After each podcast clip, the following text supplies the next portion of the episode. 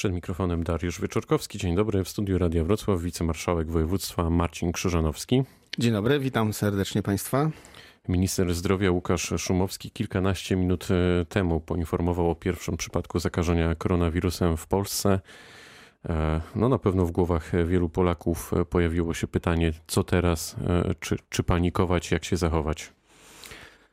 No, stało się to, co wszyscy się spodziewali. Od dłuższego czasu też we wszystkich komunikatach e, było e, przedstawiane, że ten wirus pojawi się również i, i w Polsce, ale też minister zdrowia powiedział e, podczas tej konferencji, że no nie, nie dzieje się nic y, takiego, co miałoby zmienić nagle funkcjonowanie nasze i funkcjonowanie y, czy, czy województwa, czy, czy całego kraju.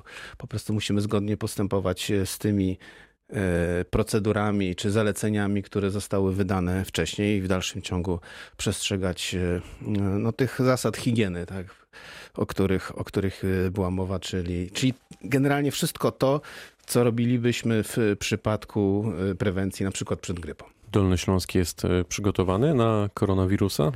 W jaki sposób my jako województwo chcemy z nim walczyć w praktyce? No w taki sposób, jak e, chcą i walczą z nim inne województwa, jak i również wszystkie kraje na świecie. Od kilku tygodni przygotowujemy się. No te, te przygotowania polegają po, przede wszystkim na wypracowaniu, dograniu e, procedur, ale również e, dograniu współpracy pomiędzy poszczególnymi aktorami, którzy odpowiadają e, za kwestie ochrony, ochrony zdrowia, czyli mówimy tutaj o szpitalach powiatowych, wojewódzkich, ale również inspekcjach. To w praktyce zatrzymajmy się tu na chwilę. Jeśli by na Dolnym Śląsku doszło do potwierdzenia również jakiegoś przypadku, to jak to w praktyce wygląda? Jak wygląda procedura?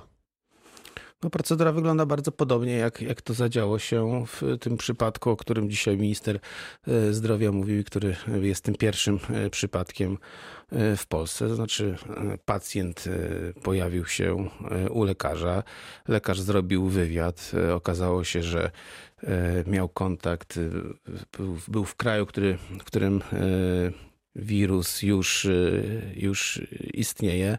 Miał objawy, o których y, głośno się mówi, czyli wysoka gorączka, kaszel y, i te objawy paragrypowe, więc lekarz odesłał go do, do szpitala zakaźnego. Tam został hospitalizowany, tam pobrano mu testy. Co, co najważniejsze, e, e, te informacje, które tutaj spływają, to świadczą o tym, że jest w dobrym, w dobrym, e, w dobrym zdrowiu, bo też musimy sobie wszyscy zdać z tego sprawę, że na całym świecie choruje bardzo dużo ludzi, czy dużo ludzi, ale tych skutków śmiertelnych nie ma tak dużo. Jakbyśmy zestawili z tym, co się dzieje obecnie z grypą na całym świecie, ale również w Polsce, no to, to, to rzeczywiście te liczby nie są tak tak groźne, żebyśmy mieli e, zmieniać e, cały nasz e, świat. Czyli kończąc ten wątek, uspokajamy i apelujemy o zdrowy rozsądek i zdrowe podejście do tak, sprawy. zdrowe podejście, zachowujmy się zgodnie z tymi instrukcjami, czyli przestrzegajmy podstawowych zasad, myjmy często ręce, unikajmy kontaktu z chorymi no, tak jak grypa, ten wirus roznosi się drogą kropelkową, więc zachowujmy te podstawowe zasady i, i myślę, że sobie poradzimy. Czy prezydent Andrzej Duda powinien podpisać ustawę przewidującą 2 miliardy złotych dla mediów publicznych, Pana zdaniem? No to już będzie decyzja e, pana, pana prezydenta. No, pytanie Pan co by jest... zrobił jako człowiek odpowiadający za zdrowie w naszym regionie? No, to jest trochę tak, że Mamy kampanię e, wyborczą i to jest bardzo, bardzo nośny temat, zestawienie pieniędzy na media publiczne. No, siedzimy teraz e, w radiu, te pieniądze przecież też mają trafić nie tylko, nie tylko do e, telewizji publicznej, ale również na telewizję TVP ABC, TV Kultura czy, czy oddziały regionalne Polskiego Radia, więc to jest takie dobre zestawienie że można byłoby te pieniądze przeznaczyć na przykład na onkologię, ale to, To tak, inaczej. tak Politycy- można zestawić politycy wszystkie, grają tym wszystkie tematem? wydatki. Oczywiście, że, oczywiście, że grają. Grają e, ochroną zdrowia. Zawsze jest tak, że e, we wszystkich kampaniach e, wyborczych i w tych ostatnich to ze szczególną, e, ze szczególną siłą te kwestie ochrony zdrowia pojawiają się. Tylko, że politycy akurat koalicji obywatelskiej mają krótką pamięć, bo jak oni rządzili, a były zgłaszane poprawki dotyczące zwiększenia nakładów na onkologię, to głosowali przeciwko i nawet i kandydatka mm, Platformy Obywatelskiej, pani Kidawa-Błońska, robiła to samo, więc y, oczywiście jest to teraz y, narzędzie w walce politycznej. To jak powinien zachować się prezydent, pana zdaniem? Jednym zdaniem. Ja nie wiem, jak się powinien zachować prezydent. A to Prezydentem, takiej odpowiedzi się nie spodziewałem. prezydentem nie jestem i to będzie jego autonomiczna y, decyzja. Ma, ma prezydent swoje y, uprawnienia i będzie, będzie, to, będzie to rozważał, ale na pewno ta, ta skala argumentacji jest dużą, w dużym stopniu manipulacją, bo jak popatrzymy na środki, które idą na ochronę zdrowia, w porównaniu z tym, co było y, za czasów Koalicji Obywatelskiej, to w przeciągu tych pięciu lat z 70 miliardów złotych jesteśmy na poziomie 107 miliardów złotych, a w onkologii przecież bardzo dużo się dzieje, bo No właśnie. pilotaż onkologiczny, więc... no właśnie, do, do a tego tutaj, chcę a tutaj skupia, opozycja się skupia na, na, na, na To skupmy na się na zdrowiu aspekcie. Polaków. Mhm. W jakiej kondycji jest e, polska onkologia i jej e, finansowanie? Jak, e, jak wypadł pilotaż tej sieci onkologicznej na Dolnym Śląsku? pomimo tego, co, co, o czym y, mówi się w kampanii, o czym mówi no, przeciwnicy Prawa i, i, i Sprawiedliwości, to akurat właśnie teraz bardzo dużo mm, w onkologii się dzieje i dzieje się spraw takich systemowych, takich rozwiązań y, na długie, na długie lata. Jak wypadł ten pilotaż?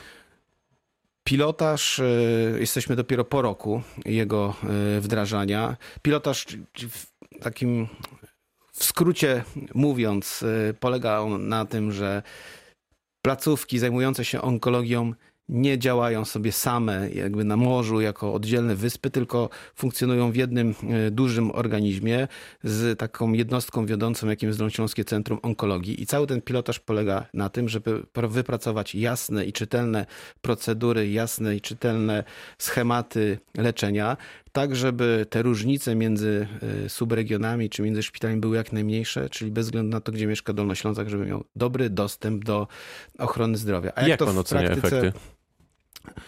Efekty moim zdaniem oceniam bardzo dobrze. Na tyle dobrze, żeby je wdrożyć e, już w, skali całego kraju. Najprawdopodobniej pilotaż będzie e, przedłużony.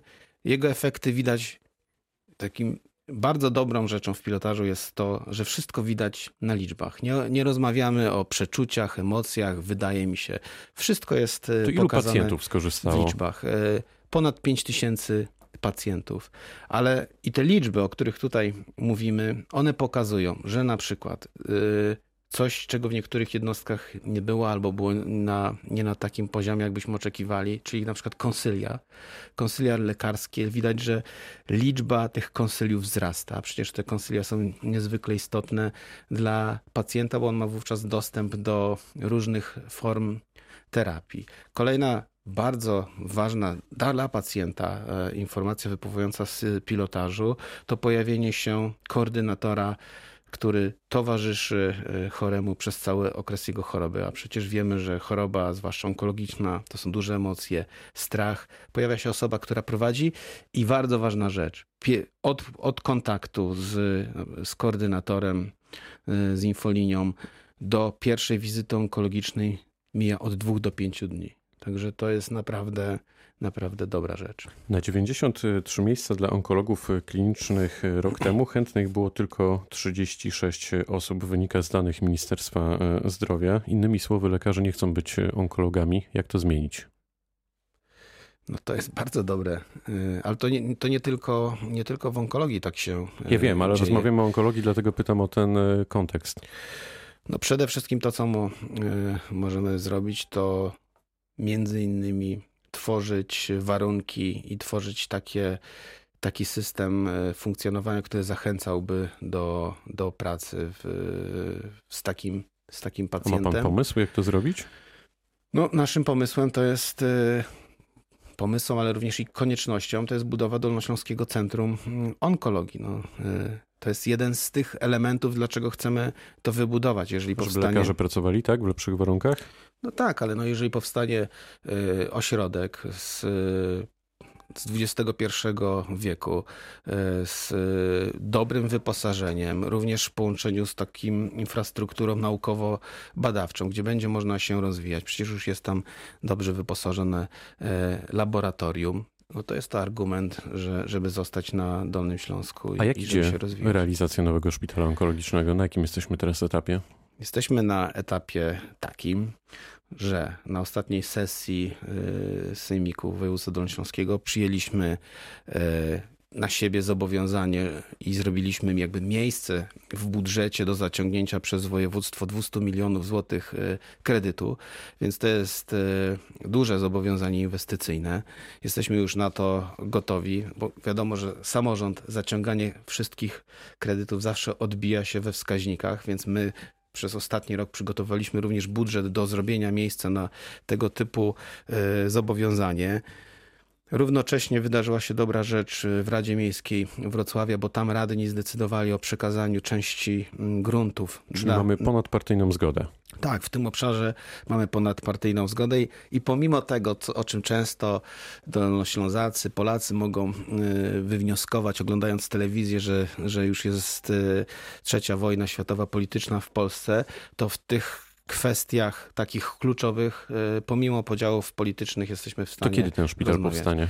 Ja bym chciał, żeby y, jego budowa rozpoczęła się jeszcze w tej kadencji, ale przed nami jeszcze sporo rzeczy do, do zrobienia. Takim kolejnym mm, etapem y, milowym, punktem milowym będzie jeszcze jakby uzyskanie gruntu y, od KOWR-u, y, czyli Krajowego Ośrodka Wsparcia Rolnictwa i tutaj też już jesteśmy na, na dobrej drodze. Mamy 30 sekund. e, W związku z tym jeszcze pytanie o przedszkole w szpitalu przy Fildorfa we Wrocławiu. Ten e, pomysł budzi, no, można powiedzieć, e, skrajne emocje. E, Czy to jest odpowiednie miejsce na tego typu placówkę? I czy ona faktycznie powstanie?